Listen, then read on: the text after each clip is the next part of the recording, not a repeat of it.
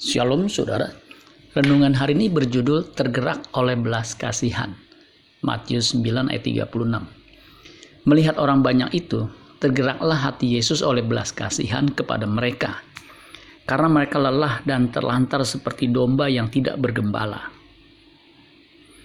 Yang menggerakkan Tuhan Yesus berkeliling ke semua kota dan desa untuk mengajar, memberitakan Injil dan menyembuhkan orang sakit adalah belas kasihannya terhadap jiwa-jiwa.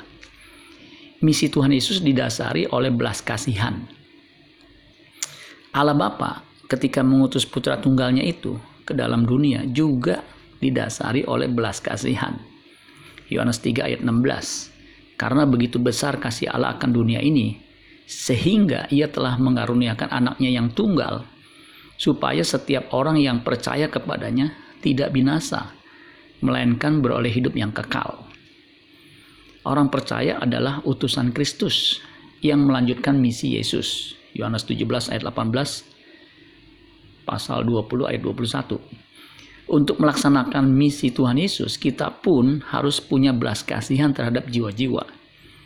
Mereka itu seperti domba yang tidak bergembala. Domba yang tidak bergembala adalah domba yang lelah dan terlantar. Artinya, mereka rentan dan bisa binasa. Domba adalah binatang lemah yang sangat membutuhkan gembala. Tanpa gembala, ia rentan terhadap binatang buas yang siap menerkamnya. Itulah sebabnya orang percaya harus membawa jiwa itu kepada Kristus Sang Gembala Agung yang akan menuntun mereka ke air yang tenang dan ke rumput yang hijau.